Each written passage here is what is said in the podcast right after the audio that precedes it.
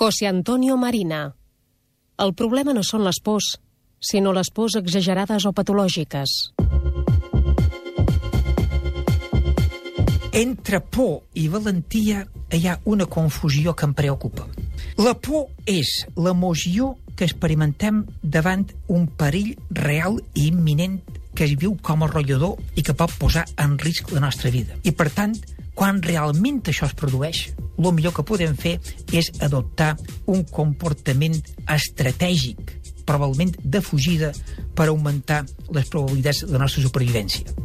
A vegades no ho podem fer, o perquè hi ha altres persones que estan en perill, estem disposats a posar en risc la nostra vida per salvar la d'altres persones o la nostra mateixa. I això és un acte de valentia.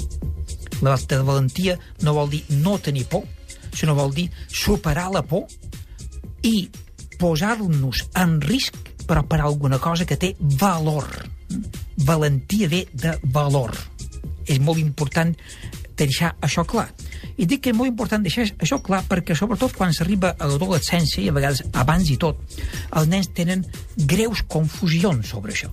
Greus confusions en el sentit de que pensen que ser valents vol dir no tenir por. I no és això. Pensen que ser valents és posar la seva vida en risc. I no és això. Confonen valentia en temeritat o imprudència, en la qual cosa els porta a posar en risc la seva vida, a vegades, a través de consum de substàncies, comportaments de risc, conducció temerària, perquè se creuen que així són més valents i són més acceptats pels seus companys. A vegades tenen una greu confusió, i és de que confonen l'ansietat en la por.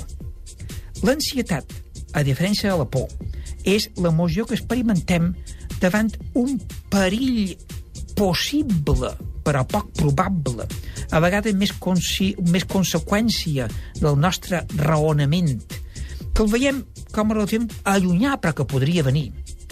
I hi ha persones que confonen l'ansietat social, és a dir, el risc de ser rebutjat pels companys si no faig el que els companys em demanen que faci, i això pesa més que la por que hauria de tenir a adoptar comportaments de risc. I aquesta confusió produeix que adolescents adoptin, pensant que seran valents, comportaments de risc que en realitat són imprudències o temeritats.